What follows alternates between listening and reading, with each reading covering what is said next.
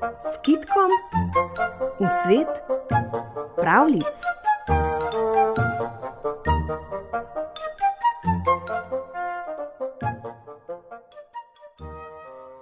V daljni Perziji je živel preprost, a plemenit kmet, ki mu je bilo ime Fanti. Bil je bister v svojih domislicah, piker v svojih besedah in velikodušen v dejanjih. Zato so ga ljudje imeli radi in so prihajali k njemu po nasvet in pomoč. Prav kmalo je Afanti postal njihov junak. Sloves o njegovi iznajdljivosti se je razširil po vsem perzijskem kraljestvu, celo do Kitajske je segel. O njem so slišali tudi bogatini, ministri in sultani. Ti so rekli: Kako je mogoče, da je navaden kmet tako pameten in za vse najde odgovor? Zato je neki sultan sklenil preizkusiti Afantija. Tisto leto je bila zima neverjetno mrzla. Sultan se je pokrival s petimi pernicami, pa še vedno ga je zeblo.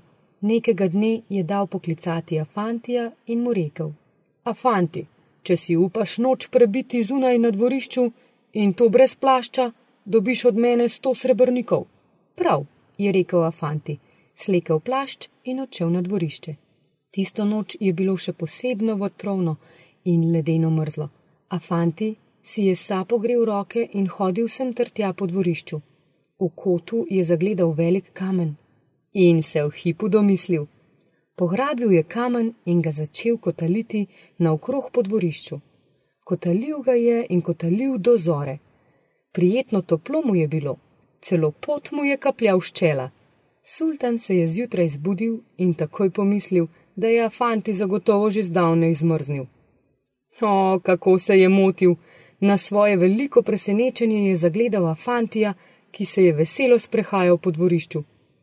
Spomnil se je, da mu je obljubil sto srebrnikov, ki so ga zdaj zapekli v žepu.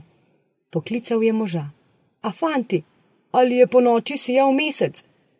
Sijal je, seveda je sijal, je odgovoril Afanti. Potem pa kar pozabi na srebrnike. Mesec je svetil in te grev. V takem bi si še jaz upal prebiti zunaj noč brez plašča. In ga je odslovil brez denarja. Minila je zima, minila pomlad in prišlo je poletje. V neznosni vročini se je nekoč sultan vračal z lova. Prijezdil je mimo Afantije v domačije. Ker je bil neznansko žejen, je stopil na dvorišče. Afanti je sedel pod palmo pri vodnjaku in sultan mu je zaklical: Afanti, brž mi prinesi hladne vode, umiram od žeje. Takoj, premili sultan, ker sem stopite, mu je pomignil Afanti. Sultan je torej stopil k Afantiju in pogledal naokrog. Kje imaš vodo?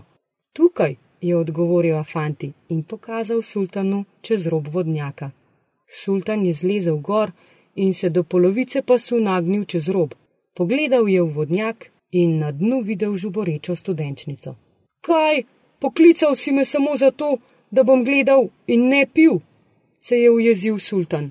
O, vaše veličanstvo, je rekel Afanti, če mesec sveti na človeka in ga lahko ogreje, zakaj pa si potem vi, če gledate studenčnico, ne pogasite žeje? Sultan je uvidel, da ga je Afanti ugnal v kozi rog.